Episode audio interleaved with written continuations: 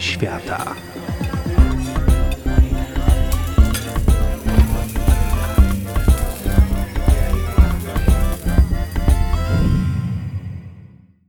Dzień dobry. Dzisiaj pojedziemy na kulinarną wyprawę do Maroka. Ale zaczniemy nieco inaczej niż zwykle, bo od opowieści, która pozornie nie ma z kuchnią nic wspólnego.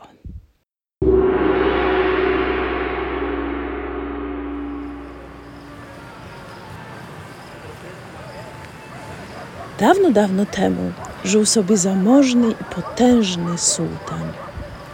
Jego zaufanym doradcą był mądry wezyr, który miał przepiękną żonę o imieniu Miriam. Miriam była tak piękna, że jej urodzie równała się tylko jej uprzejmość i intelekt. Pewnego razu sułtan z balkonu swojego pałacu zobaczył, jak małżonkowie przechadzali się po królewskim ogrodzie. I od pierwszego wejrzenia zapałał wielkim pożądaniem do bajecznie pięknej Miriam. Natychmiast uknął plan. Wezwał do siebie wezyra i wręczył mu list do władcy sąsiedniego królestwa, oddalonego o dwa dni jazdy konnej od stolicy. Idź czym prędzej, przyjacielu, poprosił go. To ważna wiadomość i z niecierpliwością czekam na odpowiedź mojego sojusznika. Wierny wezyr bez ociągania osiadłał rumaka i wyruszył w drogę. Tymczasem sułtan, gdy tylko się ściemniło, udał się do jego domu.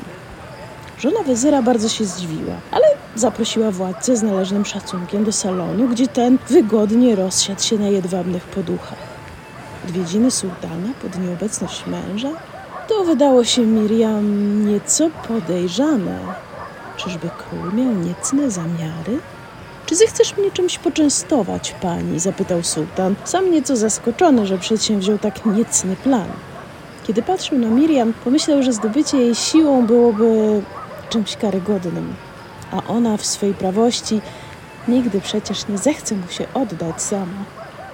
Żona wezyra tymczasem przyniosła trzy rodzaje jajek na twardo: w białej, w zielonej i w czerwonej skorupce. Ustawiła je w miskach na stole przed sułtanem i zaczęła obierać pierwsze z nich. Sułtan zjadł je ze smakiem. Miriam wzięła kolejne i obrawszy podała władcy, a potem trzecie. Sułtan zdziwił się. Co to za potrawa, Miriam? zapytał. Jajka wyglądają inaczej, ale to wszystko zwykłe jajka na twardo. Kobieta uśmiechnęła się pięknie i powiedziała: Tak, mój panie. Podobnie jest z kobietami. Mają różne kolory skóry, włosów, rysy twarzy, ale w głębi, niezależnie od skorupki, to wszystko takie same osoby. Mają swoją godność, uczucia i potrzeby. Sułtan zawstydził się.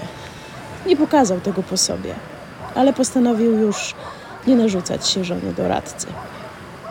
Pogawędzili jeszcze chwilę i sułtan oddalił się do swojego pałacu.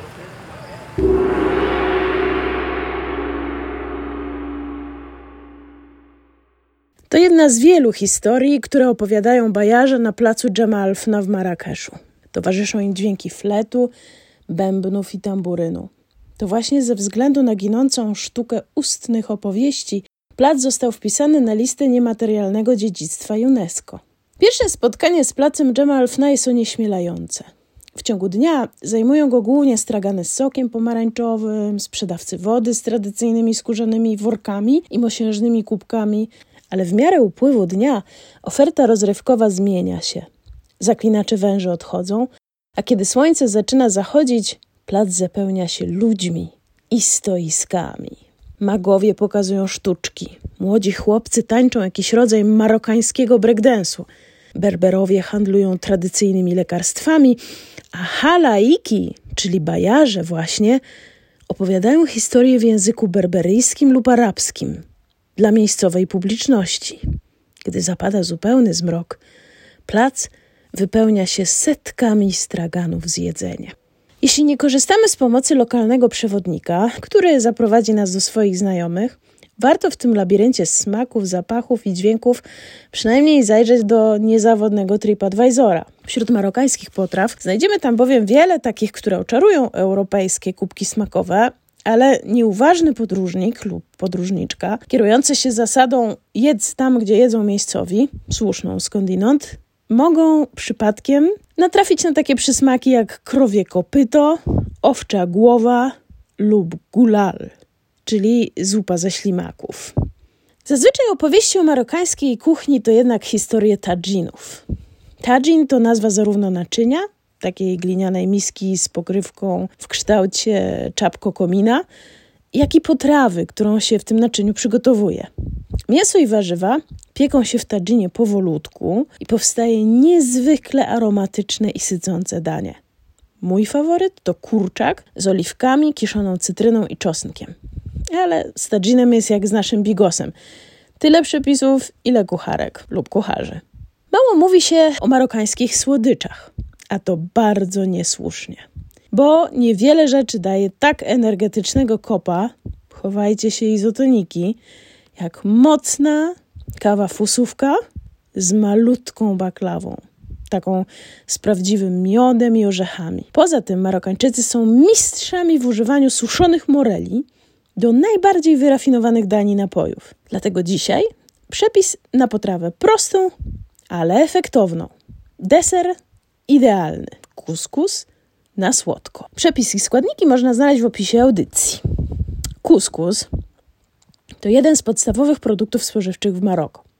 Zazwyczaj my w Europie jemy go na słono, ale kuskus jest tak zwanym nośnikiem smaków. Będzie więc uwypuklał aromaty tego, co do niego dodamy.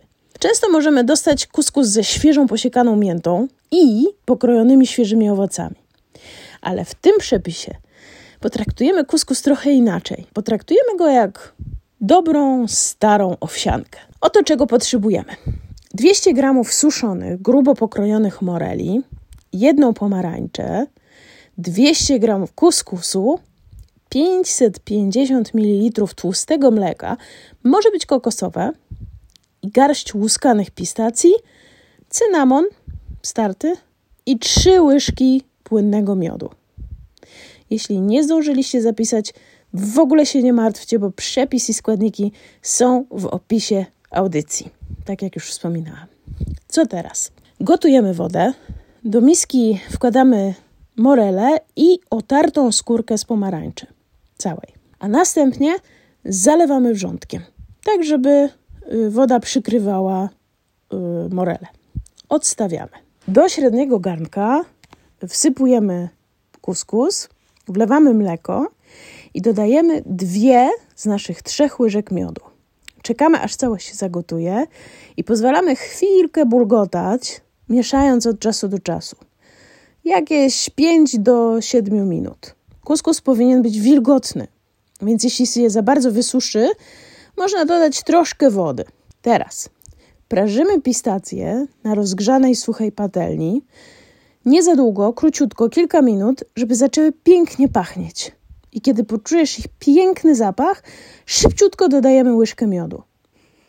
Teraz wracamy do naszych moreli. Wrzucamy je do blendera razem z wodą, w której się moczyły i miksujemy na pióre. Jeśli jest za gęste, dodajemy sok z połowy naszej pomarańczy. Jeśli nie mamy blendera, można ugnieść morele widelcem. Nie da nam to jednolitej konsystencji, ale myślę, że dosyć dobrze Y, nadal będzie się to komponowało. Uwaga! Rozkładamy kuskus do czterech miseczek, dodajemy na górę morelowe puree, a na wierzch kładziemy nasze wspaniałe pistacje z miodem. Każdą porcję posypujemy świeżym, startym cynamonem i jemy od razu, rozkoszując się zmysłową podróżą do Marrakeszu. Aha, bo jest jeszcze jedna sprawa. Kiedy sułtan wychodził od żony wezyra, jeden z pierścieni sunął mu się z palca i wpadł pod poduszkę w salonie pięknej i mądrej Miriam. Co było dalej? Wymyślcie z rodziną lub przyjaciółmi zakończenie tej opowieści. Albo jedźcie na Jamalfna, żeby poznać dalsze losy wiernego wezyra jego mądrej żony i rozochoconego sułtana.